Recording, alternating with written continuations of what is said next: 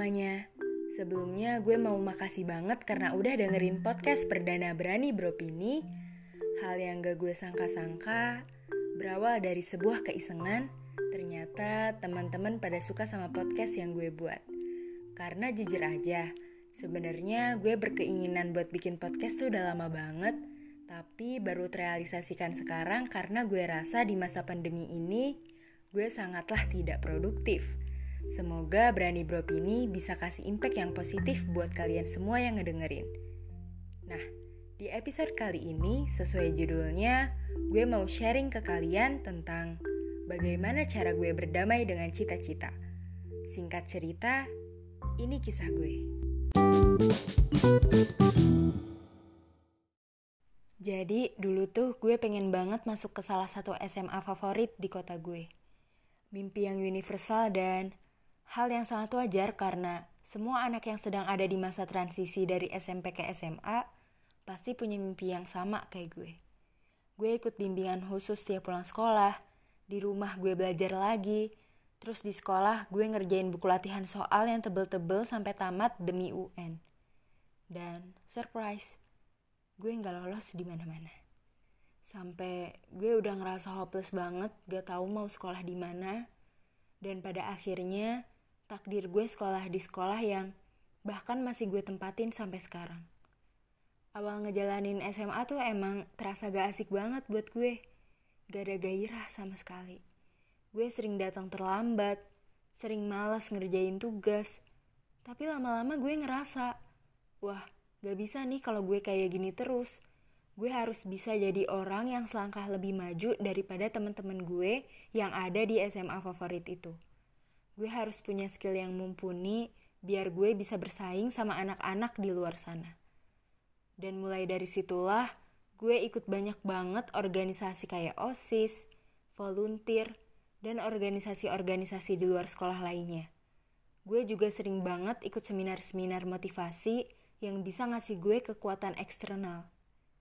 Jangan di skip ya, lanjut dengerinnya, karena habis ini gue bakal ngasih kata-kata yang mungkin bisa bikin lo sadar.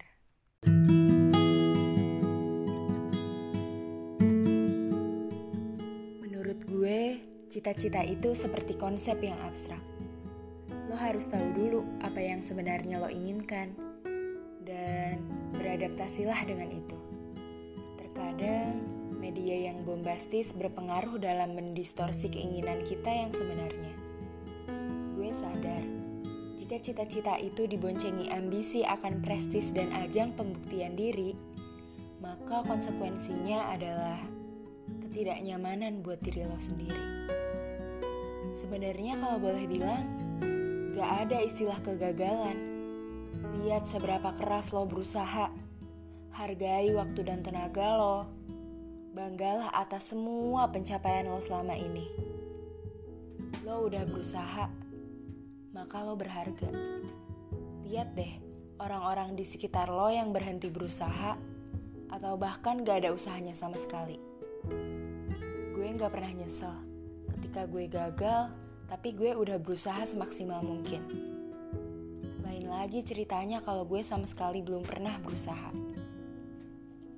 Ada kata-kata yang selalu jadi panutan dalam hidup gue selama ini. Mungkin kalian juga udah tahu Pepatah ini lahir di masa ekspansi Romawi saat kekaisaran menduduki seluruh lembah Mediterania dan sebagian besar benua Eropa, yaitu banyak jalan menuju Roma.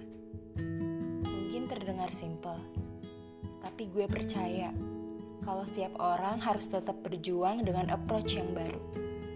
Karena kita nggak bisa mendapatkan hasil berbeda dengan metode yang sama. Setiap orang berbeda-beda prosesnya.